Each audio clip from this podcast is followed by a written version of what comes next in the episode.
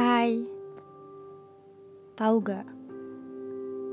Sebenarnya aku tidak pernah benar-benar merasa sedih ketika pada akhirnya, ketika pada kenyataannya kita nggak pernah bisa bersama di akhir. Toh masih ada pemikiran, berarti dia bukan yang terbaik.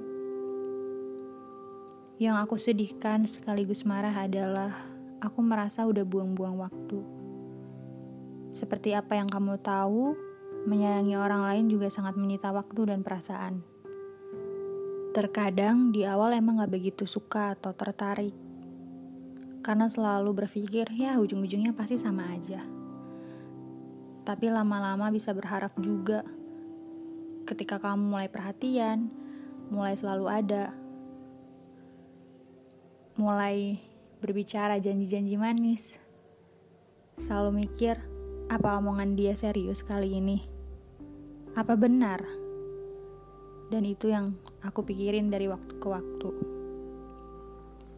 Sampai pada akhirnya ternyata sama aja.